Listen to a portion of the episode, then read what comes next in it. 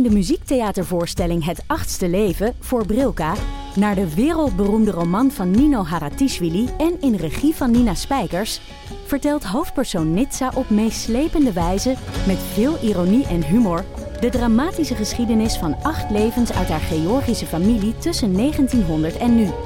Een hartverscheurend en tegelijk troostrijk drama verteld vanuit het perspectief van vrouwen uit verschillende generaties. Waarbij het publiek meegenomen wordt op een emotionele, visuele en muzikale reis door de 20ste eeuw. Koop je tickets voor het achtste leven via oostpol.nl. Mijn naam is Botte Jellema. Jouw naam is Ipe Driessen. Wij zijn van De Eeuw van de Amateur. De Eeuw van de Amateur is een podcast die gaat over... Alles. Het is een eh, podcast over levenskwesties die je niet kunt googlen. Een soort licht neurotische blik op het leven. Het is een podcast met humor. Jezus. Kijk, een grapje. Die, die vragen durft te stellen en die je ook onbeantwoord durft te laten. Mooi. met een regenboogvlagje. Dat, dat noem je queer, botten. Dat uh, regenboogvlag, dat klinkt echt als een soort... Eh, ik bedoel, iedereen is welkom. Kom ons luisteren in je favoriete podcast-app. Dag snelle hazen en slome schildpadjes. Welkom bij Damn Honey.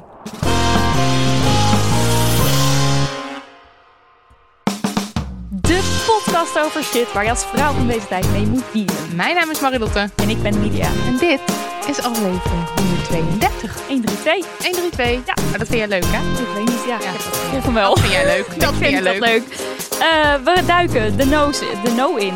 No, enkel fout. De no en de yes. En ook de enkel yes, fout. enkel fout. Ja, Het scheelt ook weer eens een keer, hè? wat heerlijk. Ja, Nou, misschien een, een, een yes, één yes, 1,1 yes. Pu. Maar maakt niet uit. Eh, ja, en maar spannend. zoals altijd beginnen we met een leuk bericht. ja, we kregen twee zulke lieve fijne reacties op het borstvoedingsdilemma uit de vorige aflevering. Ja, Eh, aflevering 131 met Jantine Jongebloed. Dus ik dacht, ik lees ze gewoon even allebei voor. Het was natuurlijk ook een beetje raar dat wij als drie ontzettend niet borstvoedinggevende types zaten te oreren over borstvoeding. ja. Dus dit is gewoon een heel mooie aansluiter. Ik vond het ook grappig hoe we het echt zo hadden. ha- De, de, de brief voorlazen over borstvoeding. En daarna gingen hebben over gewoon andere dingen doen dan borstvoeding. Maar ja, we moet, je moet toch iets noemen. Nog even kort samengevat het dilemma van de kerstverse moeder die het, eh, eh, de vraag instuurde. Kiezen voor bedekking tijdens borstvoeding, zodat ik me in ieder geval comfortabel voel. Ook al hou ik dan misschien het probleem vrouwenlichaam seksualiseren in stand. Of toch de strijd aangaan en het gewoon doen, ook al vind ik dat wel spannend. Dat was waar de brief over ging. Ja. Komt dan de eerste reactie daarop. Lieve kerstverse moeder, goed bezig met de borstvoeding, want het is niet altijd makkelijk, ondanks dat het zo natuurlijk is. Nu voed je thuis heerlijk met een bloot lijf, groot gelijk. Op termijn wordt het echt wel makkelijker en kan je echt discreet voeden zonder gelijk een doek eroverheen te hoeven leggen. Ik heb altijd overal gevoed en nooit rare blikken gehad. Het wordt pas normaal als we er ook normaal over doen. Borstvoeding geven hoeft echt geen statement te zijn. Je voedt gewoon je kindje. Het hoeft echt geen statement te zijn. Succes, komt goed, groetjes, Marieke. Een mens met veel borstvoedingervaring. Kijk, En dan de allerliefste PS. Als deze moeder andere borstvoedingsvragen of dilemma's heeft, mag ze me mailen. Oh, Cute luisteraars hebben wij, Ja. hè? Echt fijn. Komt er nog een. Ha, lieve Nidia en Marilotte. In jullie laatste aflevering behandelen jullie een ingezonden brief over het dilemma om borstvoeding te geven in het openbaar. Geen idee of de briefschrijver hierop zit te wachten, maar ik deel graag mijn ervaring hiermee. Deze mogen jullie doorsturen. Bij mijn dochter heb ik zes maanden borstvoeding gegeven en ben in die periode echt gegroeid van ik ga echt niet voeden met mijn schoonvader erbij. Awkward. Naar hier is mijn tiet. Wil er iemand een slokje? Niet letterlijk, maar wel dat ik de verlegenheid die het met zich meebracht aan de kant heb kunnen zetten. Weet dat jij en je baby een soort team zijn dat steeds behendiger wordt, waardoor voeden in het openbaar ook steeds comfortabeler wordt. Mijn truc bij voeden met tussen haakjes mannelijke vrienden erbij was dat ik gewoon hardop zei: ja, dat borstvoeden dat gaat zo discreet. Als je een tepel hebt gezien, dan heb je echt je best gedaan met gluren. En dat resulteerde er weer in dat mensen netjes wegkeken, want niemand wil als stiekeme gluurder aangezien worden. Lachende emoticon. Ik heb in die zes maanden eigenlijk alleen maar vertederende blikken gekregen van onbekenden. Jong, oud, man, vrouw en alles wat niet in een hokje past. Eén keer heb ik een gek gezicht gekregen. Ik zat op een bankje naast alle maaltijdbezorgers te voeden. Ik was eigenlijk een soort collega. ook werkzaam in de voedingssector. En toen kwam er een groepje stoere jongens langslopen. Eén stootte de ander aan en wees naar mij, waarop de ander zei: Nee man, dat is gewoon normaal hoor. Ik stond bijna op om hem te knuffelen. Haha, zo lief. Maar toch, hoe positief ik ook was over openbaar voeden, vond ik het nu, bij mijn tweede kindje, zeven weken oud, toch weer even een drempel als het in de beginperiode wat stroever gaat. Super herkenbaar dus. Weet dat je het in stapjes kan opbouwen. Thuis met vrienden erbij, in een hoekje van de koffietent, met een doek, met je rug naar de mensen gedraaid. En dat jij en je baby er dus ook geoefender in kunnen worden. Ik hoop dat je er wat aan hebt. Dit is natuurlijk mijn eigen ervaring en niet zoals het bij iedereen gaat. En verder, zelf weten. Liefs Leonie. Oh, wat een leuke brieven. En wat Ja. leuk om ook even van ervaringsdeskundigen te horen. En dat het inderdaad zo is dat je het in stapjes op kan bouwen. Want daar hebben we het toen met Jantine over gehad. En ook dat het dus zo is dat je... eh, Dat je naarmate moet wennen ja, weer precies. samen. Ja. Dat je moet wennen, maar ook dat, dat die stapjes zeg maar... eh, dat het niet meteen betekent, hoi, hier is mijn tiet. Maar dat je dus gaat van eh, niemand mag me zien naar... Oeh, dat, dat is blijkbaar, ja. En dat zei jij natuurlijk ook over Ja. je okselhaar en ik over mijn blote, mijn blote borst in het openbaar. Dat het ook een kwestie van gewenning is. Of Ja, maar dus ook de combinatie van, dat is natuurlijk als niet borstvoeding gevend mens, weet je gewoon niet hoe dat als een werkt. team zijn. ja, dus dat het op het begin ook gewoon nog een beetje gedoe is met het aanleggen, dat misschien Ja. niet zo soepel gaat. En Ja. op het moment dat dat ook soepeler gaat, het ook weer makkelijker is om de volgende stap te nemen. Ja, dan is het natuurlijk veel meer een soort handeling Oh, die heel even. natuurlijk voor Ja. je is. Eh, en dat is het aan het begin waarschijnlijk dan weer niet meteen. Nou, wat geweldig dat jullie brieven hebben ja, gestuurd. bedankt schat. En leuk dat er allemaal kleine honingballies zijn. Zeven weken oud. De Oh brievenschrijver, van de brievenschrijver was het kindje toen drie weken oud. Misschien zijn ze wel, weet niet of wij Even de brief oud. echt Kunnen meteen behandeld hebben worden? toen die binnenkwam. Nou, is toch enig. Ja? Nou. Nou, oké. Honingballen Nou, crash gaan we opzetten. Ja, leuk. ja. Yo, koe. Hoe noem je mij? Dat zeg je niet tegen een vrouw. Oh mijn god. Dat is zo'n flauwe grap. Yo, koe. Dat is onze sponsor. Oh. En dat weet jij heus wel. Eh? Het is een Belgische start-up met probiotische schoonmaakproducten zonder plastic afval. En eh, probiotisch, dat betekent dus dat het spul bestaat uit goede bacteriën. Oh. Ja, en die gaan voor jou aan het werk. Ah, Met hele kleine, hele kleine bezempjes en hele kleine poetsdoekjes. Heerlijk. Ja. Sorry, maar ik krijg het er helemaal heet van. Zo fijn vind ik dit beeld. nou, Yoku heeft eh, schoonmaakmiddelen. En die bestaan dan uit reinigingsparels die je oplost in water. En dan voilà heb je een hele kan vol, schoonmaakmiddel. Eh, maar ze hebben ook wasmiddel en afwaspillen. De hele shabam. Eh, laten we het heel even hebben over dat wasmiddel. Ja, ik ben ook fan. Ja, toch? Het is echt heerlijk spul. En het is dus, het, je hebt geen gezul, gezul met flessen, want het zijn van die papierachtige strips. En dan afhankelijk van de grootte en de zwaarte van je was, stop je een halve, een hele of een dubbele strip in die wasmachine. Gewoon zo ploep Ja. bij je vieze was en dan lost het op in water. Het scheelt gewoon Ik- zoveel ik wist het- ruimte. Echt, het is ongelooflijk. Ja. Ik ben gewoon zo blij. Ik had ook naar onze werkvakantie op Vlieland eventjes een paar wasstrips in mijn tas geduwd. Dat is toch geweldig? Ik was helemaal mijn moeder. Ja, Helemaal zo voorbereid op zaken. Maar je moeder zonder een enorme fles wasmiddel, Ja. maar gewoon met een strip. Ja, en het ruikt trouwens echt. Ik ben helemaal, ben dus de hele tijd mezelf aan het besnuffelen, want ik denk steeds, wat ruik ik nou? Wat ruik ik nou? Oh mijn god, ik ben het. Dus eh, ik weet niet. Alles van Yoku ruikt ergens tussen vrij neutraal en heel fris. Ja, ja, je kan een beetje lekker. zelf kiezen hè, welke, welke geur je lekker vindt en zo.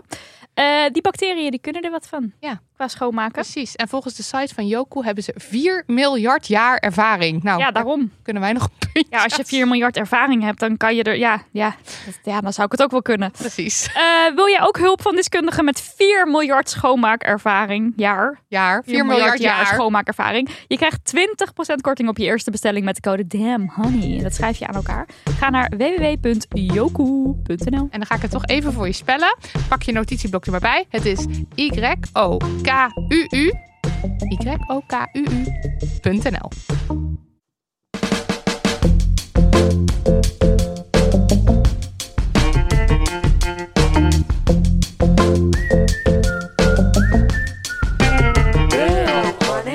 Goed, het is tijd voor de Damn Honey No. Eh, Nidia is voor ons daarin gedoken. En hoe ga je ons laten huilen? Nou, ik ben in ehm, de kledingindustrie gedoken. Oh, dat is wel om te huilen. Dat is in principe al bijna aan zich iets om, om te huilen. Ja. Eh, het, ik kwam erop omdat het tien jaar geleden is, deze week, dat de Rana Plaza instortte. Eh, dat is eh, een gebouw in Bangladesh. En in Rana Plaza, acht verdiepingen groot was het, werd kleding geproduceerd. En er waren heel veel mensen aanwezig op het moment toen het instortte. Zo'n 3000 mensen. Eh, en In door één gebouw. ja, in dat ene gebouw, dus acht verdiepingen hoog. Dat is echt wel heel groot. En ehm, bij het instorten zijn dus 1134 mensen omgekomen. Voornamelijk jonge vrouwen. En zo'n 2025 of slash 2500 andere mensen die ehm, het wel overleefd hebben, die raakten zwaar gewond. En dat kan zijn als in fysiek, maar natuurlijk ook gewoon Ja, mentaal getraumatiseerd. eh, hele heftige ervaring. Ik, eh, ik las het verhaal, dit, dit had ik van de NOS, van een man die tot wel 36 uur eh, moest wachten tot hij van onder het puin gered werd. Eh, dus nou ja, dat, dat zijn een en al verschrikkelijke eh, verhalen. En nou, dit, dit was de grootste ramp in de kledingindustrie tot nu toe. Ja. Dat is het gelukkig ook gebleven. En dat heeft natuurlijk heel veel in gang gezet. Want mensen waren, waren wel oprecht heel erg gechoqueerd hierdoor. Ja, ik heb ook het idee dat als we het hebben over verbeteringen in de kledingindustrie, dat Rana Plaza altijd aangehaald Ja. wordt als, als van, het wow. moment van dat Ja. mag nooit meer gebeuren. Ja, en Rana Plaza is gewoon heel bekend geworden. Terwijl bijvoorbeeld in datzelfde jaar in Pakistan ehm, zijn er ook nog iets van 400 mensen, geloof ik, in totaal ook omgekomen door ehm, instorten van gebouwen. Dus nou, het is een mega probleem. ja. En het is ook echt een feministisch probleem, omdat zo'n 80% van de mensen die werkt in de kledingindustrie vrouw is. Dus ik vind het, het is per definitie een soort feministisch thema ook. En de mensen in die kledingfabrieken, die, ehm, nou, die eh, werken dus soms in een onveilige omgeving. Maar los daarvan krijgen ze ook slecht betaald. Ehm, nou, er, er is geen sprake van eh, eh, pensioensopbouw of verlof als je zwanger bent, als je ziek bent, noem het maar op, al dat soort dingen. Dat kan gewoon allemaal stukken, stukken beter. En eigenlijk is ook die hele industrie, die is gewoon gebouwd op uitbuiting. Ja.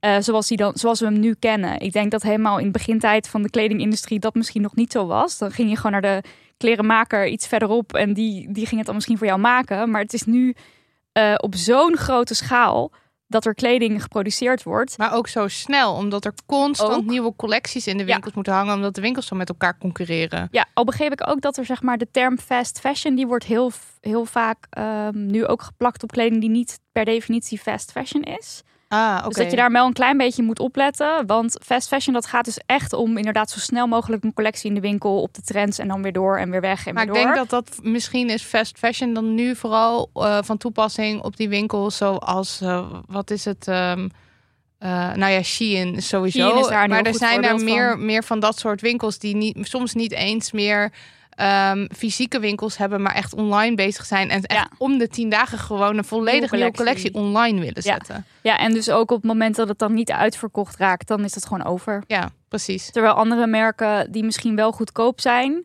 eh, die maken misschien meer een collectie. Gewoon van nou, die is dan gewoon in de winkel. Ja. Eh, dat zijn dus de basic shirts. En eh, die worden dan ook echt gemaakt met het idee van dit wordt ook eigenlijk vrijwel allemaal verkocht. Dus Ja. er zit natuurlijk ook een verschil in.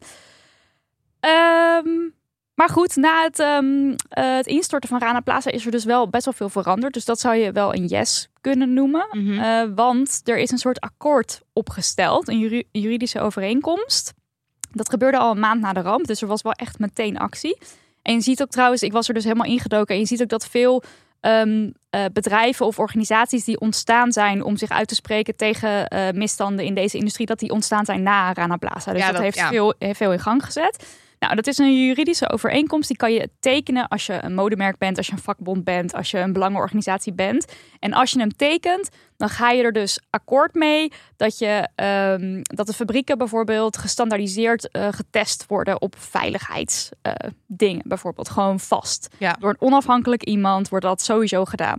Terwijl voor Rana Plaza was het dus heel vaak zo van, nou ja, als je het een keer wilt testen, dan kan je er gewoon zelf voor kiezen om dat te doen. En, of- en of het anders kijk maar even. Ja, eh, nooduitgangen, oh, we don't know. Weet je wel, het, is allemaal heel erg, was allemaal heel erg losjes. Eh, en ehm, medewerkers kunnen eh, weigeren te gaan werken als de veiligheid niet in orde is. Oh ja. En ze kunnen een klacht indienen. Dus dat is iets wat dat ehm, akkoord, de International Accord, heet het ook wel, in gang heeft gezet. En de NOS die ehm, eh, schreven ook in, eh, in hun stuk hierover, dat dankzij die klachtenregeling het moederbedrijf van Tommy Hilfiger en Calvin Klein eh, klachten binnenkreeg van een ingehuurde fabriek waar elektrische shocken kwamen van naaimachines. Oh ja, ik en daar, waren ze dus achter gekomen doordat die klachtenprocedure was, ja, dat, doordat die ontstond en je dus ook daadwerkelijk een klacht kon indienen. Terwijl dat daarvoor, ja, dan ging je misschien naar je baas en dan zei je, ja, hey, ik krijg eh, een schok van die machine. En dan zei die baas voor jou drie anderen, Ja, eh niet zeuren, gewoon doorwerken. Of misschien zeiden mensen niet eens was, want je was bang om je Ja. baan te verliezen. Kan ook. Dus, dus nou, er zijn dus heel veel stappen gemaakt. En er is ook een vakbondsactivist, Kalpona Akhtar heet zij. En zij heeft als 12-jarig meisje ook echt in een kledingfabriek gewerkt in eh, Dhaka, de hoofdstad van Bangladesh. Ehm, en zij is dus ja, keihard aan het activisten de hele wereld over aan het gaan. En allemaal bedrijven aan het overhalen om, die, eh, om dat akkoord te tekenen. En zij zegt dus ook dat ehm, ja, er moesten eerst doden vallen. Maar nu worden textielarbeiders eindelijk gezien als mensen. En ruim 2 miljoen arbeiders in 1600 fabrieken kunnen nu veilig werken. Dus Oh, dat, dat is is wel- wel echt huge. Dat zijn wel echt stappen die Ja. gemaakt zijn dan. En je kunt dus ook zien wie er nou wel en wie er nou niet getekend hebben. Dus ik dacht, noem jij eens even een merk. Dan ga ik kijken of ze de International Accord getekend hebben. Nou, eh, doe eens even Shein wel voor de grap even oh, checken. Shein. Ik, weet niet of neem aan dat die er niet in staat. Nou, Ik weet niet of ze er überhaupt Nou, die willen daar natuurlijk niks mee te maken hebben. Dat nee, maar ik. de, de- ik weet dus... Kijk, dit is een website. En dan kan je zowel zien wie er wel, maar ook wie er niet getekend heeft. Ah, en maar zij misschien- staan er überhaupt helemaal niet bij. Oké, misschien ik onder een andere naam, ik weet het niet. ik besluit dat nu te beschouwen als een veegteken weer. dat is want- ook een veegteken, denk ik. Ehm, Oké, dan eh, Primark. Primark. Mogen de mensen thuis nu hun, eh, hun bed placen? Denk je dat ze wel of niet getekend hebben? Ik denk het wel eigenlijk. Oké. Ja. Want volgens mij heeft Primark daar ook best wel. eh, volgens, volgens mij waren er ook kleren van Primark in de Rana Plaza. oh, dat zou goed kunnen. Benetton, weet ik ieder Zara zat daar ook bij Ja. volgens mij. En, eh, en, en, en ik neem aan dat Zara en H&M dat die Zara, H&M staan allemaal tussen de die grote merken die heel erg toch Maar wel. Laten we ook even naar de niet getekend lijst gaan dan. Ja. Want daar staan bijvoorbeeld merken bij, zoals Björn Borg, ehm, Wat Amazon, bizar. Welke? Amazon, Oh ja, Ikea, ASOS. Is dat nog een Levi's. ASOS staat op de wel getekend. Levi's staat op de niet getekend lijst. Miss Etam staat op de niet getekend lijst. Ralph Lauren, Peek en Kloppenburg, Patagonia. En toen dacht ik weer, ja, Patagonia. Maar, Hè, Patagonia ken ik als een supergoed merk. Zo Maar staat vanwege ze bij mij, bij mij te boek. Maar toen kwam ik er dus achter dat Patagonia, die heeft dan dus alweer een hele tijd terug een soort statement uitgebracht dat ze niet gingen tekenen omdat ze al, weet ik veel. Nee, ze doen dus ook op, ook op eh, arbeidsrecht en dat soort dingen. Daar zitten zij ook op. Oké. En dat ze dat dan vonden dubbelen of zo. Dus toen dacht ik weer, ja, maar wat zegt het dan als je niet getekend hebt? Zegt het dan ook weer niks? En nu komen we eigenlijk bij de gecompliceerdheid van deze hele Ja. materie. Dat als je daarin duikt, net op het moment dat je denkt, oh, nu heb ik een beetje een soort gevoel van, dit nou- is goed of dit is slecht of zo. Maar eigenlijk zegt het dus ook weer net niks. Nee. Want ja, ze hebben dan deze ehm, regels waar ze achter staan. Maar dat zegt dus niks over bijvoorbeeld de lonen die uitbetaald worden. Dit gaat echt alleen maar over de veiligheid van het gebouw. Oh. Snap je? Dus die Ik ga- International oké, Accord. Even, ik ga even helemaal heen en weer. Want ik ga zo Ja. helemaal mee met jou. Ja, het gaat goed. En dan, oh nee. nee. Oh ja, oh nee. Ja, maar het is denk ik goed om te zeggen dat er echt wel veel stappen gemaakt zijn op het gebied van veiligheid. Ja. Maar het, nou, het is gewoon een vet gecompliceerde Ja. industrie. En ehm doet me ook eigenlijk een beetje denken aan de koffiewereld waar ik zelf ook gewerkt heb. Want daarvan weet ik ook dat het altijd dat het veel ingewikkelder lag dan gewoon oh een labeltje met goed. En als jij dat labeltje niet hebt met goed, dan ben jij dus slecht. Dat, dat is dus niet per definitie zo. En was het niet ook, want ik, ik heb het idee dat dat zal in de koffiewereld ook zijn, maar volgens mij is het in de kledingwereld ook dat zeg maar bedrijven eh, aan, aan- de voorkant zeg maar die wij kennen, die kunnen het een soort van goed bedoelen of wel het idee hebben van we gaan het verbeteren, Ja. maar dat ze zeg maar in die hele keten kunnen ze de boel niet goed controleren ook. Ja. Dus je weet gewoon niet waar shit vandaan komt op een gegeven Nou, moment. dit vind ik dus echt best wel. Ja, het is best wel heftig in deze industrie. Eerst nog even heel kort. Na de International Akkoord is nu vorig jaar ook de Pakistan Akkoord eh, gemaakt. Die Ja. dus ook weer allemaal bedrijven aan het ondertekenen zijn. Zodat het in Pakistan ook goed geregeld is. Oké, dat is Dus van top. Bangladesh nu ook naar Ja. Pakistan. Dus dat is al top. Maar dan nu even inderdaad naar wat jij zegt. Het is dus inderdaad zo dat binnen de kledingindustrie het heel normaal is dat jij zelf als mega groot modemerk geen fabrieken hebt. Ja, wa- wat dus, Dus- bizar is eigenlijk. Eh, de H&M, ik had het even opgezocht op de website. Ik heb het vertaald, want de hele duurzaamheidsafdeling van hun website is alleen in het Engels. Dacht ik, nou, kan je op zich wel ook gewoon even echt in alle talen aanbieden. maar oké. Want het is nogal belangrijke informatie. Maar goed, zoals de meeste modebedrijven bezitten wij geen fabrieken en maken we onze kleding niet zelf. We besteden de productie uit aan onafhankelijke fabrikanten. Dit betekent dat wij geen salarissen uitbetalen aan arbeiders die kleding maken en ook niet beslissen hoeveel ze betaald krijgen.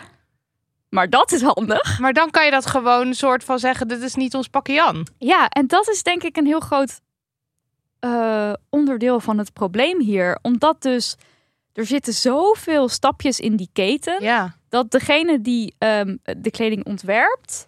Oh, ik word gebeld. Door Devika. Oh Ja, my god. Ik net ook. Ik klik Oh. er weg. Sorry Devika, ik moet je even wegklikken. Love you, David. The one and only oprichter van Stem op een Vrouw. Ehm, wat was ik aan het zeggen? Ja, dat weet ik nu niet meer. Nou, de, nou oké. Het is dus zo dat als je, ehm, eh, als jij dus zo'n mega modemerk, als jij de ontwerper bent, dan hoef jij dus helemaal niet te weten hoe de kleding uiteindelijk gemaakt is, door wie het gemaakt is.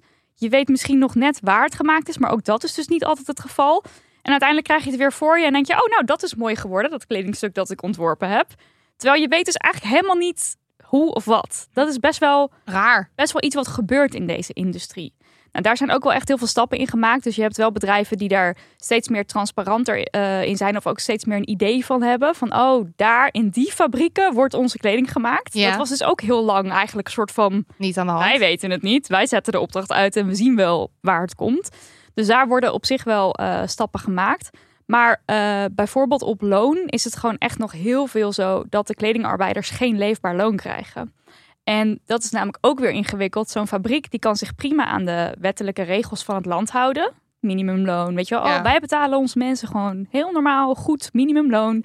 Maar dat minimumloon is dan helemaal niet genoeg om te leven. Nee. En dan zijn dat regels van dat land. Dus dan kan je het dus eigenlijk weer soort van afschuiven op de verantwoordelijkheid van dat land. Ja. En niet als in jouw verantwoordelijkheid. Terwijl je natuurlijk wel willens en wetens besluit met een merk eh, eh, fabrieken in te huren Ja. in landen, in lage lonenlanden. Ja, dus ik vind het ook eigenlijk een heel kwalijk argument om te zeggen, ja, wij bepalen dat niet zelf of Nee. zo. Ja, zit er bovenop om wel dat te bepalen. Maar dan moet ik dus wel zeggen dat als je dan dus verder gaat lezen in dat die H&M, daar kan je echt eindeloos klikken op allemaal mooie verhalen. En dan krijg je dus wel weer heel erg het gevoel van, oh, maar ze zijn eigenlijk heel goed. En dat vind ik ook zo ingewikkeld hieraan. Dat merken zelf, die kunnen op hun websites echt de mooiste verhalen ophangen. En als, als koper, als consument, denk je dan echt: ja, ik weet het gewoon niet meer. Ik weet gewoon niet of ze nou wel oké zijn. Of nou, ze doen hun best. Is het genoeg als een bedrijf Nee, want ik, doet? Ik heb namelijk heel erg nu ook dat ik moet denken aan, eh, aan de zeeman. Ja, ik zit eventjes, ik zat net al even op te zoeken ja, ik dit. ben ook diep in de zeeman gedoken. hoor, Maar, lieve want mensen. zij hebben, zij hebben natuurlijk die ene ehm, campagne waarin mensen dan vragen mochten stellen als eh, oké, hoe kan dit shirt zo goedkoop zijn? En wordt het gemaakt door kinderhandjes? En weet je wel, gewoon die, die standaard vragen die mensen dan hebben. En dan hebben ze dat op hun website hebben ze die vragen staan en dan geven ze antwoord. Maar dan hebben ze ook echt, ik bedoel, ik kan het nu eventjes niet vinden, maar dan staat er ook duidelijk van, eh, nou ja, wij bij Zeeman, wij maken vooral basics. Dus daardoor kunnen we met dit ene ontwerp zorgen dat de prijs laag is, maar dat mensen alsnog goede arbeidsomstandigheden hebben en een leefbaar loon krijgen of zoiets stond Ja, het, het- eh, Zeeman is een voorbeeld van dat het dus niet eh, per definitie fast fashion is. Nee, precies. Want het is een ja. joggingpak dat ze maken wat ze voor langere tijd. En ze, ze, ehm, eh, ze kopen ook zoveel in als wat ze verwachten dat ze gaan verkopen. Dat heb ik net ook allemaal gelezen op de Zeeman website. Ja, Dus precies. ik was hier diep ingedoken. Eh, want de Zeeman is eh, onderdeel van Fairwear. En dat zijn ehm, allemaal merken die vallen dus onder Fairwear. En Fairwear die gaat jou als, als soort organisatie jou helpen om het beter, Te beter doen. te maken. Ja. Dus die gaat dan ook weer gesprekken voeren in de fabrieken en een soort van verbeteren, verbeteren, verbeteren. Maar hier kom je ook weer op zo'n punt dat ik dacht, ja, mensen, het is gewoon heel ingewikkeld. Want als je naar de Fairwear website gaat en je zoekt dus Zeeman op, dan vallen zij in de categorie good. Dus da- zo zijn ze gecategoriseerd daar. Ja. En ehm, nou, ze hebben 100% van de fabrieken eh disclosed. Dus ze, ze, ze, weten, ze kunnen precies zeggen van hier en hier ehm, Wordt het wordt gemaakt? het gemaakt. Eh, dus ze, zijn op best wel veel dingen lekker bezig. Maar dan ga je naar de website goodonyou.eco en daar kan je dus ook heel veel merken opzoeken en kijken hoe ze scoren. En dan scoren ze It's a Start. En dat is dus de, mm, eh, de drie van de vijf bolletjes, zeg maar. En toen dacht ik, ja, good versus It's a Start vind ik nog best wel een verschil. Maar dan gaat het dus over de, de, de voorwaarden of zo die een bepaalde site. Want eh, ja, dat denk zo, ik. Dat Dus verandert dan of? En, en Good on You die scoort op Planet, People and Animals. Eh, en ja, dus dit, het, dit is voor mij een soort ondergrondelijke wereld. Waarbij je eigenlijk maar moet vertrouwen op wat bedrijven zeggen. En op wat die vervolgens die websites zeggen die dan weer bedrijven in kaart brengen. Ja, want die vereist wel echt een soort eh mad eh, eh, journalistieke skills om een beetje erachter te komen waar dingen vandaan komen. En bedrijven zullen natuurlijk altijd het mooiste verhaal vertellen. Ja, Ze zullen niet per se liegen op hun website nee, want de maar die, is dus, die geeft dus wel heel eerlijk antwoord. Ehm, dan gaat het bijvoorbeeld van hoe kan dit shirt nou 2,50 kosten of zo. En dan gaan ze dat aan allerlei dingen uitleggen. Zo van, nou, eh, we, we, hebben geen grote marketingbudgetten. We hebben redelijk sobere winkels waar, zonder kleedkamerhokjes, zeg maar. Ze hebben Ja. dan helemaal dat zo uitgelegd. Dat kan je ook thuis nu helemaal gaan bekijken op de Zeeman website. Eh, maar daar staat dan ook ergens van, ja, bij Zeeman streven we ernaar dat iedereen onze kleren kan kopen.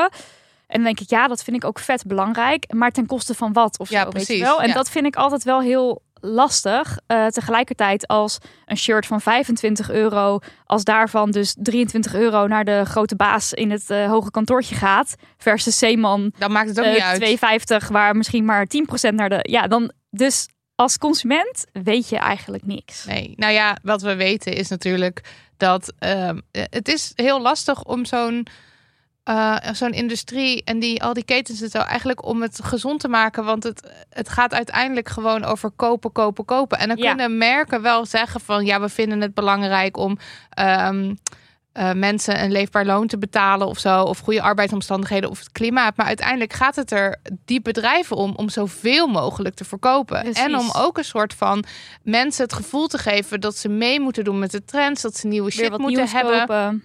Ja. En dit bij de gratie van dat hele kapitalistische systeem en bij de gratie van eh, dat gevoel dat je steeds iets nieuws moet hebben, daarbij, daarbij bestaat het. Ja. En dan kan je nog in mijn ogen zo je best doen om te zorgen dat het gefixt wordt, maar dat kan eigenlijk niet. Nou ja, je eigen fabrieken openen. Ja, En daar gewoon hele strenge regels eh, eh, voeren qua veiligheid en een leefbaar loon betalen. ja, en ik denk dus ook winst niet als de drijvende Ja, kracht nee, zien. dat ook natuurlijk. Want dit moet gewoon, oké, dan, dan ga je voor, denk ik, een, een bedrijf wat eh, kan bestaan, waar die iedereen geld kan uitbetalen om te leven. En dat is het dan. Ja. En dat kan op die manier draaien. Ja, dat- En mensen hebben toch nieuwe kleren ook- nodig soms. Maar ook met winst lijkt mij dat je dus je eigen... Ja, ik weet niet. Het klinkt voor mij als, als een soort van... Oké, als jij als H&M zegt van... Ik trek mijn handen ervan af. Of Ja. tenminste, ik doe mijn best. En ik heb een hele website vol met mooie praatjes. En la la la. Maar uiteindelijk zijn we niet verantwoordelijk. Dan denk ik... Hoezo pak je die verantwoordelijkheid eigenlijk niet... als je zoveel mensen onder je hebt werken Ja, via precies. via? Want eigenlijk werken ze wel voor H&M. En dat zijn echt heel veel mensen hebben we Ja. het over. Nog heel even over dat leefbaar loon. Want dat is dan ook... ehm, wat is nou eigenlijk een leefbaar loon? Eh, dat wil zeggen dat je dan dat je in een bepaald land kijkt van nou wat kost het hier om goed te kunnen eten en drinken, dus zonder, zonder honger naar bed gaan. Wat kost het om hier te wonen? Eh, zorgkosten, vervoerskosten. Mhm. Ik bedoel, als jij eh, met het OV met de bus moet of misschien met een scooter naar je fabriek moet, dan moet je daar natuurlijk ook geld voor betalen. Ehm, educatie, als je misschien kinderen hebt die naar school moeten. En een soort potje voor onvoorziene omstandigheden. Bijvoorbeeld als je ziek bent, dat je dan dat dus wel kan doorkomen. Of als je een ongeluk krijgt. En dat zou dus samen, als je die rekensom maakt in een bepaald land, dan heb je een leefbaar loon. En Ja. dat geldt dus in heel veel landen, bijvoorbeeld India, Pakistan, Bangladesh, is het minimumloon niet. voldoende. Dus die mensen die werken zich helemaal kapot tegen te weinig. eh, Waar zouden dit Geld. soort landen dat minimumloon dan op baseren? Geen Het idee. is toch ook een soort, als je er niet van kan leven, wat heb je dan aan een minimumloon? Ja, dat heel veel bedrijven, grote westerse bedrijven, daar je, hun fabrieken Ja, planten. Ja, oké, en dan wordt het En land dat ze daar dan weer geld... maar Ja, zoiets. Ja, ik weet het niet. Maar ja, er zijn ook nog allemaal andere issues. Hè? Dus bijvoorbeeld ook hoeveel uur mag iemand eh, maximaal achter elkaar werken. Ja. Ehm, krijg je je geld cash uitbetaald of digitaal. Dat las ik dus wel op de H&M-website. Ik dacht, oh, daar had ik helemaal niet over nagedacht. Als jij je geld cash uitbetaald krijgt... Ja, wat nou als, als iedereen op dezelfde dag cash uitbetaald krijgt... dan loop je met je envelop de deur uit... Word je En dan loop je daar. Of wat? Ja, dus daar, dat is bijvoorbeeld ook iets waar je als bedrijf over na kan denken. Ehm, of je je wel of niet bij een vakbond mag aansluiten. Dat is Ja. ook, dat Ja. dat tegengewerkt wordt. Want volgens mij is dat bijvoorbeeld bij Amazon werd dat tegengewerkt heel lang. Oh ja, oh ja, ja, ja. Ja, dan mochten mensen Sowieso in Amerika is daar ook nog wel het een en ander. Ja, eh, daar- Of in de VS moet ik zeggen. Dan word je gewoon ontslagen. Of ik weet niet of dat nu nog zo is, maar daar heb ik verhalen over gelezen dat je wordt ontslagen op het moment dat. eh, ja, En dan vorm je een gevaar voor het Ja, bedrijf natuurlijk. Hè, als je opkomt voor je eigen rechten. dat moet je niet doen. Eh, maar ook zoiets als bijvoorbeeld eh, zwangerschapsverlof. En ook gewoon ziekte- en pensioenopbouw en zo. Maar zwangerschapsverlof. Want die, sommige websites hebben dus hun mond vol van women empowerment. en dan dacht ik, oké, nou even kijken. Als je zo van de women empowerment bent. Hoe het dan zit met je pregnancy. eh, zitten, zitten vol zwangere vrouwen nou mijn kleding eh, te naaien bij jouw bedrijf? en kom je daarachter dan? Nee. Oh, jammer. Maar ze, ze hebben wel allerlei dingen van vrouwen in, ehm, in leidinggevende functies en zo, weet je wel. Oei. Maar dit soort dingen kon ik dan niet meteen vinden. Ja, of er staat feminist op al die shirts natuurlijk. dat ook. Dat vind ik Dat echt ook- een van de meest Ja. schrijnende beelden. Dat, dat, dat dan iemand in een land waar je niet een leefbaar loon krijgt uitbetaald... Ja. en waar je onder onveilige omstandigheden werkt... dat iemand dan die woorden feminist op zo'n shirt loopt te drukken. Dat is toch echt het meest schrijnende voorbeeld. Maar koop jij nog kleren? Ja, Ik ook. ja ik koop wel kleren. En ook bij fast fashion. Of fa- ik moet het dus niet fast fashion noemen, want dat is het niet per definitie. Hoe moet je het dan noemen? Eh, nou, soms is het wel fast fashion wat ik misschien koop, maar ik weet niet of het er altijd onder valt. Dus Nee. daarom eventjes deze, eh, eh, hoe zeg je dat? Verdeling. Maar ehm, ja, ik heb, ik heb onlangs nog bij Monkey dingen gekocht. ja, ik heb onlangs nog bij ASOS dingen gekocht. En dat zijn merken die komen dus bij die, bij die Good On You nou niet per se eh, Goed uit de bus. als beste uit de bus. En ik eh, als hardloper bij Lululemon ja. ik dingen. Ja. En Lululemon, dat is- was ik ook even op de website gaan kijken. Nou, die hebben hun mond voor van hoe goed ze zijn voor de wereld. ja, dat De- zal wel. de journey die zij afleggen naar een meer gelijkwaardige wereld. Die bestaat uit de mindfulness en de, en de prachtige krachten van de mensen. En positieve verandering en impact. Ja. Dat, is, dat schreeuwt die website als je gaat kijken. Nou, toen ging ik dus dat ook weer even op die Good On You opzij- eh, opzoeken. Nou, toen kreeg ze daar een veeg uit Oh, echt? Wat dan? Ja. Nou, not good enough. Dat was wat ze, het stempel wat ze kregen. Ze voldoen niet aan de standaarden die eh, arbeiders verzekeren van een gezonde en veilige omgeving om in te werken. Eh, en ook geen leefbare lonen. Dat is ook niet iets waar ze per se aan voldoen. Why? Er is weinig tot geen bewijs dat laat zien dat het merk dingen doet om ehm, richting leefbare lonen te gaan. Want je kan dus nog zeggen van het lukt ons nog niet. Nee, maar Bijvoorbeeld bij Zeeman heb ik dus heel erg dat gevoel. Zij werken samen met die eh Fairware. Zij zijn stappen aan het maken. Ja. En daar zijn ze ook heel transparant over. ja, precies. Nou, dat was dus hier blijkbaar niet echt aan de hand. Eh, dan heb je de Fashion Transparency Index. En dat is dus ook een index die rankt bedrijven. En dan laat ze zien van ehm, hoe open ze zijn over eh, arbeidsomstandigheden, mensenrechten, eh, duurzaamheid en zo. Nou, daar scoorden ze 41 tot 50 procent. Is ook niet echt super transparant in Oh, ik ben toch wel teleurgesteld in Lululemon. De laatste fases van de productieketen vindt plaats in landen waar een groot risico is op uitbuiting. En Lululemon wordt ook in verband gebracht met het inkopen van katoen uit de Xinjiang-regio in China. Ja. En dus is er de mogelijkheid dat Oeigoeren daar onder dwang werken. Kutzooi. En de Oeigoeren, dat is dus een eh, moslimminderheid in de regio eh, Xinjiang in China. Ja. Die eh, onderdrukt worden, gediscrimineerd worden. En ehm, er, er zijn ook echt heropvoedingskampen. Het is allemaal doodeng. En dus ook dwangarbeid. Waar ook kleding dus inderdaad weer Ja, wordt gemaakt. wordt geproduceerd. En dan heeft natuurlijk de hele COVID-situatie ook niet meegeholpen. Bedrijven, megabedrijven die een inkoop plaatsten, dat werd dan vervolgens geproduceerd. En dan zei het bedrijf, nou, onze sales gaan niet zo lekker de afgelopen tijd, want COVID, dus cancel Annuleer, het maar. ja. 40 miljard dollar is gecanceld, terwijl het al gemaakt was of al in productie was. Wat ook En die fabrieken die hebben natuurlijk kosten gemaakt. Want Ja. die hebben materialen, die hebben mensen, die, nou ja, verschrikkelijk. Is gewoon verschrikkelijk. Het is verschrikkelijk. Ik ben weer, eh, telkens als we het hierover hebben, want we hebben natuurlijk al een keer een aflevering over Shein gemaakt en een aflevering met eh, Amy Demkes over fast fashion. Ja. Maar inderdaad, ik zit dan altijd koop het nooit meer en dan uiteindelijk ga ik er toch weer heen. Eh, En, en wat ik dus eigenlijk ook een soort ja, eh, niet echt hoopgevend vind, is dat ook vintage kleding, ook dat daar Ook zit dat ook weer allemaal heeft. Ja. shit achter. Ja. Dus het is ook niet soort van zaligmakend om dan maar te zeggen, ik ga alleen nog maar tweedehands kleding Nee. kopen. Het is zaligmakend om zo lang mogelijk met de kleding te doen die je hebt. Ja. Om te zorgen dat, eh, nou, als jij nu iets hebt wat je niet meer draagt, dat je misschien in je omgeving iemand vindt die het gaat dragen. Dus niet, niet in zo'n bak gooien en dat Nee. het dan weer ergens eh, in een land terechtkomt waar het op een enorme berg ook weer voor allerlei Zitten problemen zorgt. niet op te wachten daar ook. Ja, nee. Eh, maar oké, wat kunnen we doen? Ja, Want graag. hoe moet je nou weten of, je kleding, of het dus enigszins oké is? Je kunt dus een kijkje nemen op die good- goodonyou.eco.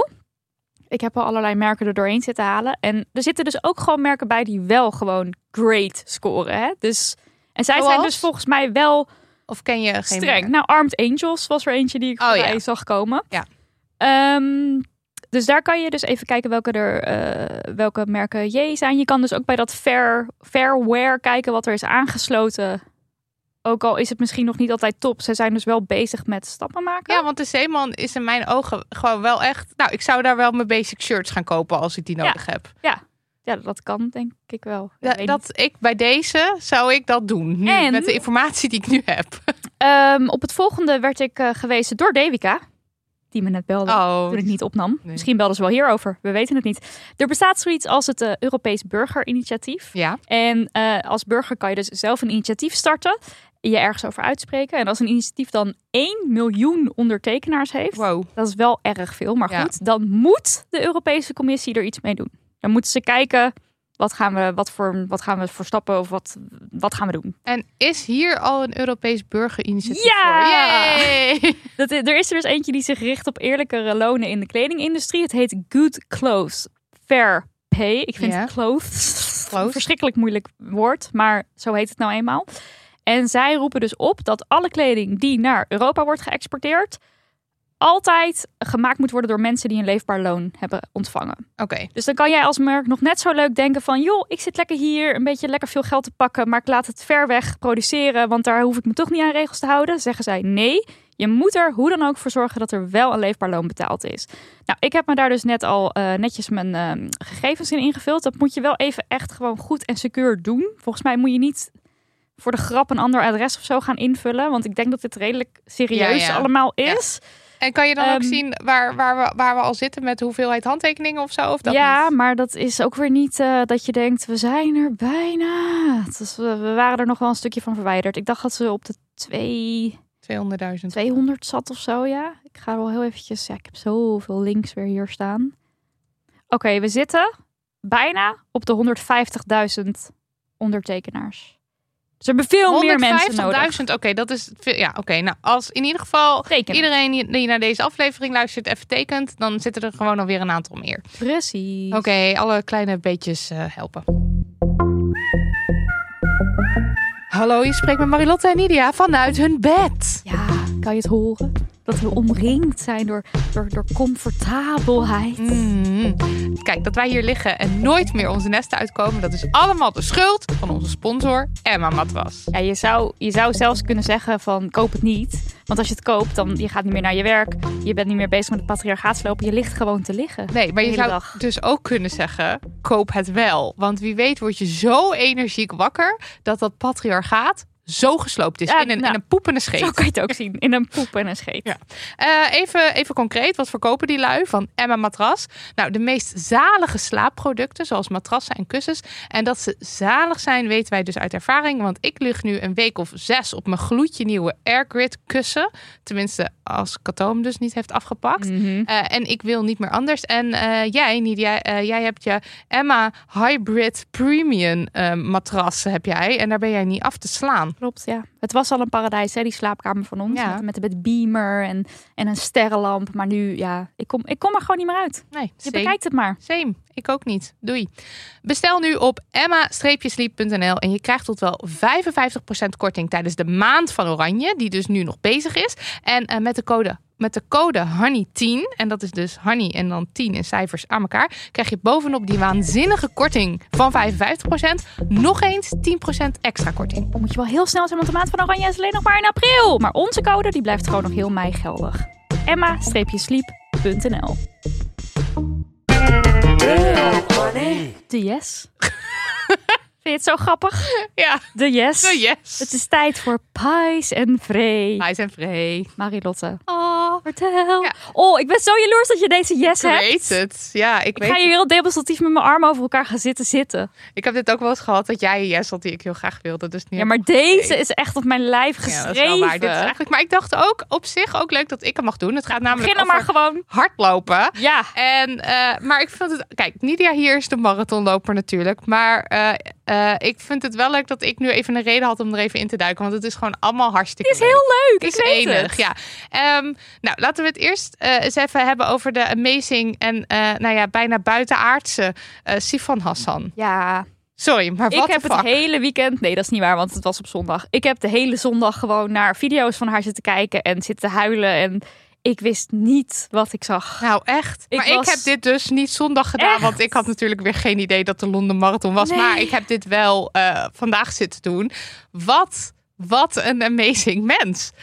I know. I know. Nou, wacht. Wat gebeurde er nou? De Londen Marathon was dus afgelopen Leuk. zondag. Hartstikke leuk. En eh Sifan Hassan deed mee. En ze deed mee voor het eerst. Ze heeft Het geen... debuut op de marathon. Ja, ze heeft geen marathonervaring, had ze verder. Dus de- ze, ze zei ook, ik vond het heel spannend. Ik was heel bang. Ik wilde Zij eigenlijk was niet- echt de dag daarvoor nog aan het huilen. Ja. Van waarom in hemelsnaam wilde ik een marathon lopen? Hoezo doe ik dit? Ja. En ga ik, wel, eh, ga ik dit wel afmaken? Volgens mij Ja. vroeg ze dat zichzelf af. Nou, zij finishte en wel in 2 uur, 18 minuten en 33 seconden. Wat razendsnel is. Ja. Ehm, zij heeft eh, vier minuten sneller gelopen dan het vorige Nederlandse vrouwenrecord. En het vorige record werd gelopen door Nienke Brinkman. En dat was 2 uur, 22 minuten en 51 seconden. Ze was gewoon ruim vier minuten sneller. Eerste keer. Ja. Nou, een paar dingen. Eventjes zeg maar om even aan te geven hoe geweldig het eigenlijk was wat zij deed.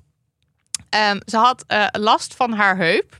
Eh, dus ze moest na eh, een uur ongeveer twee keer stoppen om te rekken en te strekken. Ja. En als je dan dus kijkt naar die beelden, want er is een soort samenvatting natuurlijk over Sifan Hassan, omdat iedereen helemaal in awe is. Wat is Dan hoor- hier ja, gebeurd? dan hoor je Ja. zo die, die eh voice-over zeggen. Hassan, debuterend op de marathon, kent fikse problemen. En dan zie je haar zo rekken, strekken. En, en je hoort al aan de stem van die voice-over dat die denkt, nou, dit gaat ze niet afmaken of ik kom ze Nee. nooit meer. Want zij, ze loopt oorspronkelijk, in, aan het begin loopt ze meteen bij die kopgroep.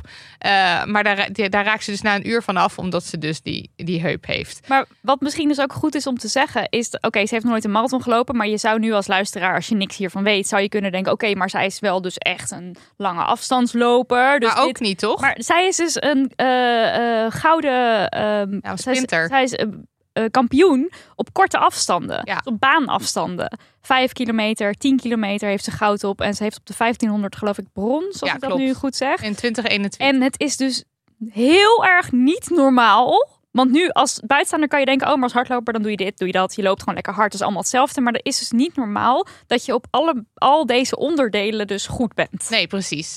Op haar Wikipedia staat ook inderdaad, bedoel, ze heeft, ze heeft allemaal, het is, het is 5000 meter, 3000 meter, nou ja, 10.000 wel één of twee keer, maar dat komt er gewoon het Ja, dichtst maar bij. 10.000 En is ook heel kort. We hebben met als je marathon dat heb op je haar tempo over... loopt, dan heb je dat zo achter je kiezen. Dat is niet Nidia van Voorthuizen. Nee? Wat is eigenlijk Nidia's van Voorthuizen marathon? Oh, mijn marathon PR? Ja, je marathon PR? 348 of 348. 346, zoiets. Oh ja, ja, ja, ja. 38. Even om maar ook, zeg maar, het Ja, beeld te krijgen van als je in dus perspectief zo... plaatsen. Ja, Ja. dus anderhalf uur langer of zo. Ja. Ja. Ehm, Zij loopt op een tempo wat ik niet eens een kilometer vol kan houden waarschijnlijk. Zij ik weet even niet wat haar specifieke pace is. Maar... Nou goed, wat verder nog heel bijzonder was hieraan. Ze zei dus van, eh, ja, ik, eh, ik eh, bedacht nog, ik had mijzelf eigenlijk moeten tapen. En dan was ik het vergeten. nou, ik heb recent ondervonden, want ik heb de hele tijd last van mijn enkel. Hoe fijn en hoe behulpzaam tape is om, om dingen. En ik kan me alleen maar voorstellen dat het haar heel erg had kunnen helpen. En dat is het dus vergeten, dat zegt ze dan. Eh, ze had net corona gehad. In februari had ze een, een corona-infectie. Ze heeft net een maand Ramadan achter de rug. Wat dus betekent dat ze overdag niks mocht eten en drinken. Ehm, ze, eh, En haar coach die zei toch van vaak duurt het toch wel een week voordat atleten daar echt helemaal van overheen zijn. eh, hersteld zijn. Ja, precies. En En, dat- voordat ze weer. en dat Die week was er niet. Nee, ze, ze heeft, dat was echt een paar net, dagen. Ja. En eh, hier had ik nog niet over nagedacht, maar als marathonrenner moet je ook een soort van geoefend zijn om te drinken. Heel erg. Want je moet om de zoveel tijd zijn van die, van die plekken waar je dan drinken kan pakken. Maar Ja. daar, en daar, ze zei ook, ik was daar zenuwachtig over. Want ik ben daar niet, ik weet niet hoe dat, is niet type hoe dat Dus is werkt. dat niet gewend. Op die, Dus- op die, die, die poepende scheet dat zij die 10 kilometer rent, heeft ze dat helemaal niet nodig, normaal Nee. gesproken. Maar nu, een marathon is natuurlijk ruim 40 kilometer. 42,195. Ik zat je al aan te kijken hoeveel was het ook weer. Maar eh, ja, dus je hebt, wat, je hebt je vocht nodig. Dus Ja. eh, nou, dat, maar marathonrenners die pakken dan zo'n bidon op bepaalde plekken.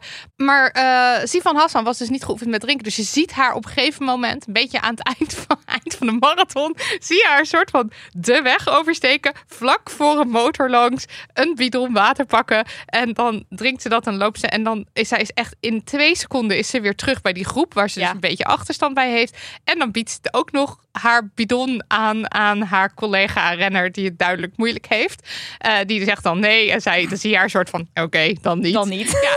En, eh, en, en dan zeg maar vlak voor de finish trekt ze nog even een sprint. Eh, en, eh, en, en, dan, en dan heeft ze gewonnen. En dan zegt ze nog iets van ja, het ging steeds sneller. Ik dacht dat ik nog een kilometer moest. Echt? het was Zo amazing. het is echt. En zij heeft het dus het allerzwaarste aan het begin. En ze zegt ook, nou, na een, een kilometer of dertig, het ging gewoon, de pijn trok weg. Ik ging steeds beter. Het leek wel alsof ik vloog. Blam, bam, bam, bam, bam. En zo was er. Maar haar, ja, ik weet niet, ik vind haar ook gewoon zo leuk. Ik kan uren naar Ja, haar, ze is ook haar heel luisteren. geweldig leuk. Ze was ook voordat ze dit deed al geweldig leuk. En nu is iedereen zo, What the fuck kon, is. kon dit überhaupt? Ja, blijkbaar. En zij was dan dus he- helemaal... Heb jij ook gezegd dat ze echt gewonnen had? Of hebben we dat nou niet gezegd? Ik weet niet of ik gezegd heb... Want je hebt die tijd gezegd. Ze Ja, heeft dus nou, ook echt gewonnen. Ze hè? heeft deze marathon gewonnen als debutant met een zere heup die vergeten was zichzelf Ja. in te tapen en niet goed wist hoe ze moest drinken. Moest, Terwijl ze deze ze afstand normaal niet loopt. En ze gaat dus steeds sneller. Nou, ik vond het geweldig. En eh, ze deed natuurlijk, want jij zei net, ze heeft eh, goud op 10 kilometer, Ja. op 5 kilometer en brons op 1500. Dat heeft ze dus allemaal in één Olympische Spelen sessie Ja, en gedaan, nu is de grote 2021. En nu eh, eh, is dus haar doel. in- Nou, weten we dat al zeker dat het haar doel is? Nou, ze zegt, ze zegt, ik wil in 2024 in Parijs, Ja. de Olympische Spelen in Parijs, wil ze de baan en de marathon gaan Ja. combineren. Ja, dat zou echt. Dat is wat ze wil doen. Dat is dus echt zelden gebeurd in de geschiedenis van de Olympische Spelen. En Zelden of nooit. één man gelukt. Oké. Emile Zoutepek, als ik het goed zeg, in Ja. 1952. Eh vijf, tien en de marathon allemaal goud. Ja. Als, zij dit, ja, als, dit, als dit haar ooit zou lukken, dan is ze echt the most legendary of them all of zo. Maar ik weet niet of dat kan hoor. Maar en dit was in het zal 19... namelijk 250. Het zal denk ik ook namelijk afhangen van de planning. Kijk, als, jou, als jouw baanwedstrijd een dag voor je marathon is, dan lijkt mij dat niet mogelijk. Maar ja, ik weet niet. Zij is, zij Sorry, is- maar zij is buitenaards. Eh, dat Ja, is maar je een- moet altijd bij buitenaardse mensen niet onderschatten dat het alsnog heel ingewikkeld is Ja, wat ja, ze doen. Want dat kan je soms een beetje vergeten. Zo van, nou, die zijn zo goed, die mensen. Maar, Maar het ik is denk- echt, echt bizar. Ik zou ook heel bang zijn dat ik ziek word. Maar zo. weet je wat het leuke is? Jij kan dus zelf ook aan die marathon meedoen. Welke? Als burger kan je aan de Parijs Olympische Spelen marathon meedoen. Wat? Ja. Waarom? Begint wel pas om 9 uur 's avonds. Waarom dat? Maar hoe? Hè? Nou, je hebt gewoon de kopgroep. Aan de Londen Marathon deden ook normale oh, mensen. ja, mee. ja, ja, ja, ik snap het. Oké, oh, maar dit is Leuk dus hè? Ik heb je al ingeschreven. Oh, leuk. Gezellig. Ga ik lekker wandelen? Ga ik zo naar iedereen Oh. zwaaien? Hallo. Ja, Oh. ik heb mijn enkel wel ingetaped hoor, want eh, ik kan Eh. dit helemaal niet.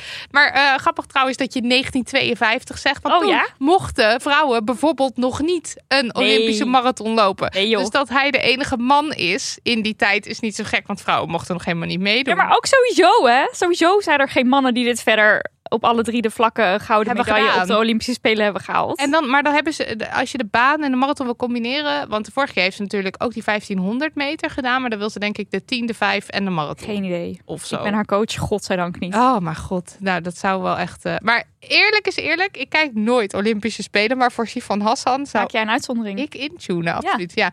Ehm, maar laten we ook heel eventjes de eh, marathongeschiedenis induiken. Dat is toch Heerlijk. Enig. Ja. Ja. Jij stuurt mij allemaal lappen tekst al door, want eh, jij hebt je al, ga, al graag en, en, en veel verdiept.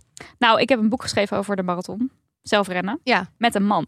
En die man, man? ja, met Hans Nijenhuis. En die man, wij gingen allebei de marathon rennen en dan gingen we erover schrijven. Die man die had dus de geschiedenis van de marathon op papier gezet. Dus ik denk, leuk, ik ga dat lezen. En ik denk, gast, je bent gewoon de complete vrouwengeschiedenis vergeten. En toen heb ik een stukje vrouwengeschiedenis geschreven. Heel goed. Dit is wel echt acht jaar geleden, maar dat boek, daar, ja, daarvoor had ik me al een keer in deze materie verdiept. Ja, en het is ook gewoon, want uh, oké, de, de, de eerste Olympische, de, zeg maar de, de officiële Olympische, moderne Olympische Spelen zoals we ze kennen, waren in uh, 1896.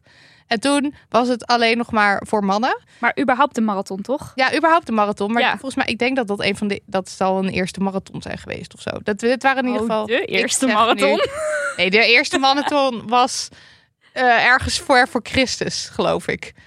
Nou, dan weet ik, de precieze getallen weet ik uiteraard niet. Maar het was in ieder geval geen 42 kilometer. Nee, het was 35 kilometer. Ja. Waarom is het nu 42? Dat weet ik niet Omdat eigenlijk. hij tijdens de Olympische Spelen per se langs het Koninklijk Huis van Engeland, geloof ik, moest gaan. Oh, echt? Toen was de route wat langer. En toen is het officieel volgens 42 mij wel, ja. wat geworden. Oké, nou in ieder geval 1896 eerste moderne Olympische Spelen. Toen mochten alleen mannen meedoen. En eh, in 1897, dus een jaar later, is, is de eerste Boston Marathon gelopen. En dat is wel de, de langste jaarlijkste, de langst bestaande jaarlijks terugkerende marathon ter wereld. Vrij legendary. Je moet heel goed zijn als je daar mee ja, je moet alle, aan Je je allerlei... eh, kwalificeren. ja, Ja. precies. Maar als je hem dan loopt en je loopt heel hard, dan telt het niet als een wereldrecord, want het is één rechte lijn. Dat is grappig, hè? Ja, dat Dus is iedereen leuk. wil hem lopen, maar tegelijkertijd, het is niet Oh, zo... maar is het niet ook omdat hij een stukje naar beneden loopt? Ja, kan wel, maar ook geloof ik heeft ook met windrichting te maken. Ja, ja, ja. Oké, Ja. dus je kan nog zo hard lopen, telt niet, want het is gewoon niet een parcours wat daarvoor geschikt is of zo. Oké, maar iedereen wil hem wel lopen Ja. en je moet je ervoor kwalificeren. Nou, heel lang mochten voor Olympische Spelen, de moderne Olympische Spelen, de marathon en voor eh, eh, de Boston Marathon echt alleen maar mannen meedoen. Daarvan alleen al word ik gewoon zo giftig. En in, vanaf 1900 mochten voor verschillende Olympische Spelen, zeg maar voor verschillende dingen, Onderdelen. activiteiten, onderdelen, mochten vrouwen langzaam zo wel meedoen. Zeg maar golfen, zeilen, tennis. Zie je nou dat Oké. golf gewoon een onderdeel is van de Olympische Spelen? Ja. Laatst bij een pubquiz werd ik daar nog flink door jullie om uitgelachen. Oh, sorry. is dat zo? ja, Ik kan me niet herinneren. kleinste doel. Maar goed. Oh ja, Ja, dat is waar. Wat is het kleinste doel op de Olympische Spelen? Het antwoord was, Weet ik niet en meer. mensen die willen dat nu weten, de biathlon, toch? Zo heet dat toch? Schieten en eh, skiën. Nou, dit maakt het niet uit. Ga maar verder. Ja, ik ben alweer helemaal afgehaakt. Eh nou, niet afgehaakt. Ik weet het al nu al niet meer. Dat, ehm, maar goed, anyway. eh golven, zeilen, tennis, oké. Ze mochten daarna zwemmen. Weet je wat? Ze kregen allemaal onderdelen erbij. Hartstikke leuk. Vrouwen mochten ook meedoen. Maar geen atletiek. En dan atletiek is dan onder andere dus ook rennen. Dus eh 100, 200, 400 meter, 800, weet ik het. De marathon was alleen voor mannen. Ehm, want als vrouwen zouden meedoen met rennen dan, eh, dan zouden ze allerlei eh, verschrikkelijke eh, dingen zou hen overkomen. En nu dacht ik, dan ga ik jou eventjes vragen Overhoren, wat, ze, wat dan, verschrikkelijke wat dingen. ze dan zou overkomen. Maar ik moet heel eventjes mijn eh de Nou, dingen... bekkenverzakking natuurlijk. Onvruchtbaarheid waarschijnlijk. Dat soort dingen. Ja, maar ik dacht, ik ga je ook eventjes een soort even een, Oh, een eh, hoe noem je dat, meer keuzevraag Oh. geven. Oké. ja, ik ben gewend van mijn andere hardlooppodcast dat ik het zelf moet bedenken. Ja, dus maar je gaat al heel goed hoor. Maar ik dacht, hè, dus ik geef een paar opties. Ja. Eh, wat zou er gebeuren met vrouwen als ze lange afstanden zouden lopen? Ze zouden te gespierd worden. Ze zouden te harig worden. Eh, ze zouden hun, hun baarmoeder zou eruit vallen. Mhm. Of alles wat net opgenoemd is. Plus ze liepen het risico lesbisch te worden. Ja, sowieso het laatste. Ja. En waarschijnlijk ook nog een vleugje van dat je er hysterisch van kon worden. Of dat je het psychisch niet aankomt. Ja, precies. Het Ja. is echt, echt het zwakke geslacht zou eigenlijk alleen nog maar veel zwakker worden. Ja, ze zouden, ja, eh, het is allemaal schade aanrichten bij zichzelf. Ehm, het idee was Klaart gewoon... wel hoe jij lesbisch bent geworden. Ja, ik heb veel te hard gelopen in mijn En leven. Ja, eh, anyway, het kwam erop neer. Vrouwen zijn eh, fragiel en het is voor hun eigen bestwil dat ze niet mee mochten Ja. doen.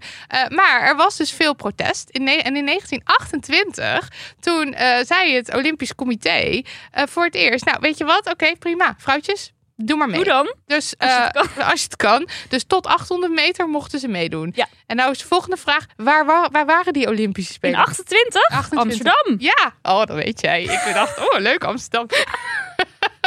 nou goed, eh, negen vrouwen deden mee aan de 800 meter finale. Iedereen finishte. En toch was de volgende dag het verhaal van veel, nou in dit geval Amerikaanse kranten. 800 meter, iedereen finish. Ja, mag ik toch hopen? Ja, nee, dat zeg jij nu.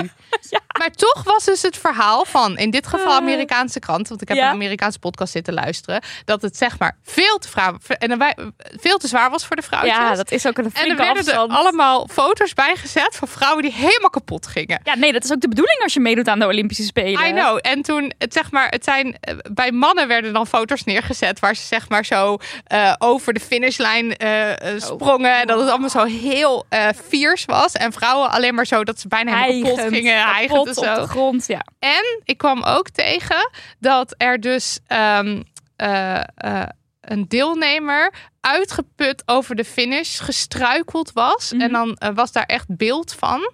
Maar dat beeld bleek dus fake nieuws. Dat was dus gewoon in de kranten gezet van... eh, kijk, ze kunnen het niet aan. En dat was niet eens iemand die had meegedaan aan die gewoon 800 iemand die meter. Geen idee waar ze dat beeld vandaan hadden. Maar de sportbestuurders en de journalisten... die, die trokken allemaal de conclusie... 800 meter, veel te lang. Veel Ja, te lang heel te lang. Ja. Ja. dus dat was na- daarna ook meteen weer afgelopen. Ja. Na 1928. Eh, vrouwen die werden geband van wat voor race dan ook, langer dan 200 meter. Want meer mochten ze niet doen. Ehm, ja, dan gaan we nu eventjes naar Boston. Eh, de marathon, want ook die was natuurlijk heel erg lang eh, voor mannen. Ehm, maar dat betekende niet dat vrouwen dachten dat, dat vrouwen echt niet meededen. Nee, Nee. klopt. Nee. Nu komen mijn helden. Ja, en jouw eerste held is denk ik Roberta Gibb. A.k.a. Bobby Gibb. Bobby Gibb. Ja. En eh, zij hield al jong van rennen. Ehm, ze was op de Universiteit van eh, San Diego mee gaan rennen, ook met het mannenteam. Want er was natuurlijk geen vrouwenteam. Want ja, als vrouwtjes gaan rennen, dan krijgen ze ook last, ook last van bloedarmoede, armoede, hangborsten, eh, snorren. ik vind dat gewoon zo grappig. ze krijgen last van snorren als ze gaan rennen. Ja. Ja, nou, en eh, toen ze 21 was, ehm, eh, is ze gaan kijken bij de Boston Marathon. En het was alles wat ze wilde. Dus eh, zij wilde graag meedoen. En ze ging oefenen op allerlei manieren. Maar ja, als vrouw is er natuurlijk ook weer niet echt een manier om goed te trainen. Want je wordt de hele tijd ook uitgejouwd als je aan het rennen bent. Ze moest heel cre- creatief zijn. Ze heeft echt langs... eh, echt kilometers, kilometers langs stranden gerend. Gewoon om maar zichzelf te trainen. En in 9 1966 gaf ze zichzelf op. Gewoon via de officiële weg. Hallo, Hallo. Roberta. Roberta Gibb wil graag meedoen eh, met de marathon. Maar en daar stak de organisatie een stokje voor. ja, want zij kreeg een afwijzingsbrief. Wat, wat denk je wel niet? Ja, want eh, eh, eh, volgens mij was de letterlijke reden was ook... vrouwen zijn niet in staat om een marathon te rennen. Nou, Nee, zij dat- boos. Maar dat is ook echt zo. Ja, nee, dat is waar. Want ze krijgt snorren. Ehm, nou, zij was boos en zij wilde de wereld laten zien dat vrouwen dat heus wel konden. Dus wat deed zij op de dag van de Boston Marathon, Marathon, Marathon in Marathon. 1966? Eh, ze knipte haar haar, ze trok wijde kleren aan. Een hoodie. Ze trok een hoodie over haar hoofd. Eh, ze wilde niet opvallen. En zij heeft zich zo'n 100 meter van de startlijn verschanst. In achter een struik. Ja.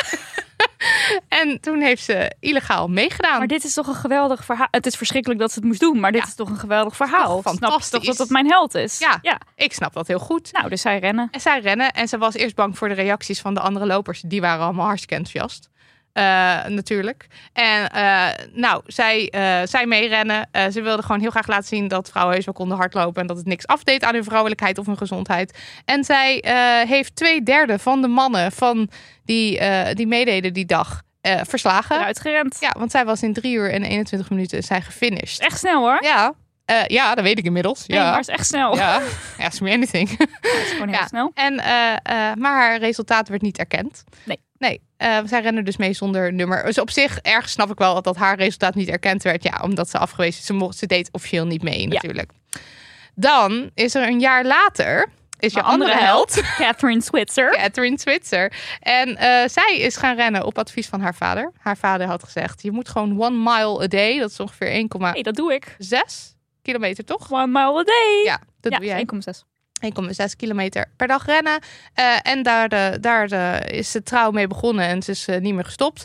Nou, de, de melkboer, de, de postbode, de hele buurt. Pakje op de hoek. Kwamen allemaal, bakkertje op de hoek, kwamen allemaal praten met haar ouders. Van nou, nou, nou, nou, nou. Hebben jullie wel gezien wat jullie meid aan het doen is? Heb je wel gezien dat ze dat heeft snor, snor groeit? Ja, En, en haar dokter, eh, want dit is het grappige. Het is nog allemaal zo kort geleden dat je gewoon... pod- 67. Deze Ja. mensen leven ook allebei, geloof ik nog. Catherine Switzer Geloof ik, ik heb gewoon een fucking podcast met haar geluisterd. Daar waarin zij vertelt over deze, over deze ervaring. Dus je kan gewoon, deze mensen zijn gewoon alive en kicking. En eh, haar dokter, zij vertelt dan ook, haar dokter heeft ook gewoon gezegd: je moet stoppen met rennen, want anders valt je baarmoeder eruit. Dat, is het, dat was wat haar dokter Oeh, zei. had hij dat dan voor zich gezien? Ja, die, Hoe zou dat dan moeten gebeuren? dan opent eh, je, De bekken? je vagina ja? zich. En dan Spreidt, ja, en dan gaat het zo ploep en dan sluit alles zich daarna weer. Maar dan ben je wel je baarmoeder kwijt. Ja, dat, zo gaat dat dan. Ehm, nou, zij stopte niet. Zij kreeg juist best wel veel zelfvertrouwen van dat rennen. En ook gewoon wel echt vertrouwen in haar eigen kunnen. Zij mocht ook meerennen met het mannenteam. eh, bij, eh, op haar hij had ook echt een coach, ja, toch? zij had echt een coach, namelijk Arnie Briggs. En die had de Boston Marathon gelopen. Eh, daardoor eh, leerde ze dat die bestond. Nou, hij was in eerste instantie zo van... ja, maar vrouwen, die Ja. kunnen dan niet, die doen er niet aan mee. Die zijn hartstikke fragiel. Die, die worden alleen maar fragieler als ze dat doen.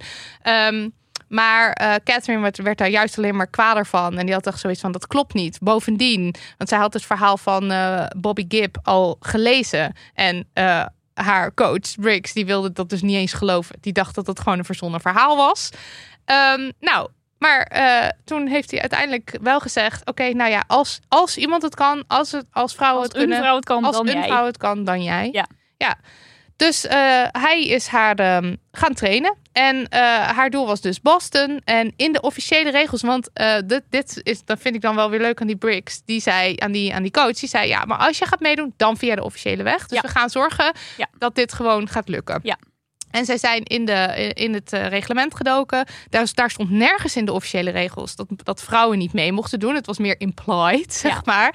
Dus ze heeft zich vervolgens eh, onder haar initialen ingeschreven. Ja, maar dat heeft ze niet bewust gedaan. Zij heeft zich onder Kay Switzer ingeschreven, zo heb ik het ooit geleerd, Mhm. omdat dat gewoon de manier was waarop zij op de universiteit ook al haar papieren ondertekende. Het was niet dat ze een soort sneaky eronderuit wilde komen of zo. Nee, zij, Ze zei Zij van, ze zei, ik, schrijf, ik, ik deed altijd overal Kay Switzer, dus nu ook. Dat is hoe ik het heb ge... Oh, nou, ik heb begreep wel dat het, dat het wel met een soort van Plannetje was? plannetje was. Maar Oh. zij schreef inderdaad sportverhalen voor een krant. Ja, En daar ondertekende ook ze het Case ook altijd mee. Dus Ja. het was voor haar niet een soort van... Oeh, dan ga ik dat doen. Het paste Nee. gewoon wel heel Ja. erg. Dus ze was Kees Switzer.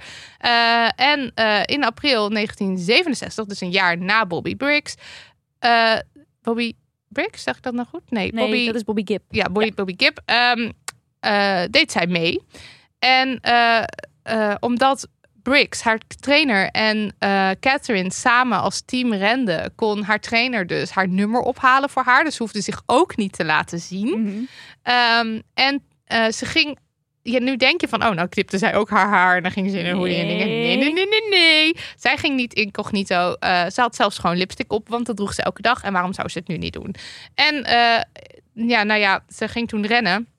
En echt aan Met haar boyfriend. met de boyfriend en haar trainer Ja. om haar heen. Boyfriend, zo'n man. Ja, leuk hè? Was Ja. hij niet een ruggenspeler of zo ook? Of Ja. zelf bedacht? Volgens mij American football player. Ja, inderdaad. En eh, hier zijn dus van dit moment zijn heel veel foto's. Echt aan het begin van de race eh, wordt ze basically getackled door een man die, probeert, die haar vastpakt en probeert haar rugnummer eh, eh, af te scheuren. Een race official, hè? Race Dus official, iemand die ja. bij de wedstrijd hoort, die Ja. een vrouw ziet en denkt, ja, not on my watch. Die voelde zich echt enorm te kakken gezet. Dus Ja. Die ging dat niet laten gebeuren. Jock Sample. Ja, en voor, van wat ik nu heb gehoord in de podcast en met de interviews, is dat hij ook gewoon niet in de loop der jaren ook niet is ingebonden. Dat hij echt vond Oh, dat hij ja. in zijn recht stond. Ja. Iemand zat aan zijn nummers en dat kon niet. En dat was allemaal tegen de regels. leuk. Ja. Ehm, maar goed, die vriend van Catherine die eh, beukt, beukt die man Beukt die man weg. Ja, er zijn dus echt geweldige beelden van. Echt geweldig hoor. Hij loopt ook in een joggingpak. Dat je denkt, nou, dat zou nu tegenwoordig ook niet meer. Je gaat niet een marathon in je joggingpak lopen. Nee, ik heb één keer in een trainingsbroek gerend en ik ging helemaal Het waren andere tijden. Ja. Maar goed, eh, en eh, het kut is natuurlijk wel, als het helemaal aan het begin van zo'n eh, marathon gebeurt, dan zit je heel hoog in je adrenaline Ja. en maak het dan maar eens af. Dan Zo, moet je je moet je wel helemaal eind. herpakken natuurlijk. Ze is uiteindelijk gefinished in eh 4 uur en 20 minuten. Dus ze zegt zelf dat dat niet zo snel is. Maar ze heeft het wel Het is afgemaakt. nog altijd sneller dan de gemiddelde tijd op de marathon. Ja, en sorry Nu, hoor, als je al deze shite meemaakt en je hebt, zo, hebt het gevoel dat je zoveel te bewijzen hebt ook. Want ik bedoel, ik kan me voorstellen dat je daar renkt, eh, denkt en dat je daar rent en denkt: oh my god, het, het, het lot van alle rennende vrouwen ligt nu op mijn schouders. Ik moet laten zien dat ik het af kan maken. Dus ik vind het echt chapeau dat ze dat gedaan heeft. En zij is dus de eerste geregistreerde vrouw die de Boston Marathon rende. Eh, Bobby Gibb rende dat jaar ook weer. ja. ja. Ja, eh, maar die werd dus echt tegengehouden bij de finishlijn. Ja, nou, in het jaar daarna heeft Boston Marathon dus in het reglement gezet vrouwen! echt alleen maar voor Ja. mannen was. Maar Hoe kinderachtig. vijf jaar later of zo? Hoe lang duurde het? Hoe lang duurde wat? Voordat vrouwen wel mee mochten doen? Eh, ja, 1972. 72. Dus dat is eh, vier jaar later. Ehm, mochten mensen gewoon niet meer gediscrimineerd worden op basis Nou, van eh, geslacht. Ja. Dus toen kon Ah. de was, Boston Marathon moest wel. Dus toen, eh, na 75 jaar werden ze toen eindelijk toegelaten. Eh, en, en er was ook, zeg maar, want die foto's die er bestonden van Switzer en van die race official die haar aanviel, eh, die gingen gewoon, die Ja, maakten de ronde. goed dat, dat, gemaakt, dat die Ja. foto's gemaakt zijn. Want als ik, als wij dat zouden zien, zouden wij toch ook denken, what the fuck? Ja. En dan daarna uit een soort protest naar, dat naar die marathon gaan en daar mee Het is gaan ook lopen. nog steeds nu heel sterk beeld. Want je zou ook kunnen denken, nou was het nou allemaal echt zo? Maar als je het dan ziet, denk je, holy shit, het was echt zo. Ja, ja, ja, ja, Ja. het was echt zo. Nou, Ik heb nog wel een leuk hardloopding. oh ja. Nou, een vriend van mij, Josje Groen, shout-out, die eh, is een van de organisatoren van de Belmer Run. En die kreeg een mailtje van, hey, hallo, eh, als ik non-binair ben, hoe schrijf ik me dan in? Want het is altijd maar mannen en vrouwen en nu ook weer bij jullie. En toen ging hij mij om advies vragen, lief. Oh, En eh, toen ging ik dus voor hem een beetje zo eh, eh, opzoeken hoe dat nou eigenlijk bij andere marathons zat. En bijvoorbeeld New York en Londen hebben gewoon een non-binary klassement. wat goed. Dus dat, dat vind ik ook echt wel weer een, eh, een stapje vooruit. En ik geloof als je dan echt wil een podiumplek wil behalen in dat klassement, dan moet je wel een bepaalde streeftijd lopen. Dus het is niet zo van als je non-binair bent en je loopt 4.30 dat je dan eh, goud kan winnen. Nee, oké, ja, ja, ja. Maar het bestaat dus wel. En de Belmer Run die heeft dus nu ook de non-binary. Nou, lekker bezig optie. allemaal. Ik wil trouwens nog eventjes even, even dit verhaal afronden in de zin van eh, de Boston Marathon heeft na 100 jaar, toen ze 100 jaar bestonden in 1996, eindelijk officiële excuses gemaakt. Eh, en ze hebben van Bobby Gibb voor 1966, 67 en 68 haar de officiële winnaar gemaakt van de vrouwen. Ehm, dus dat is ook officieel erkend. En in 2017 heeft Catherine Switzer ehm, meegedaan aan de Boston Marathon op haar 70ste verjaardag. Ik denk niet dat ze zich hoefde te kwalificeren. Klopt dat? Nee, dat klopt. Zij mocht gewoon meedoen. Ja. was nummer 261. Ze Dat was is het. de- ja, net als eh, de eerste keer dat ze liep.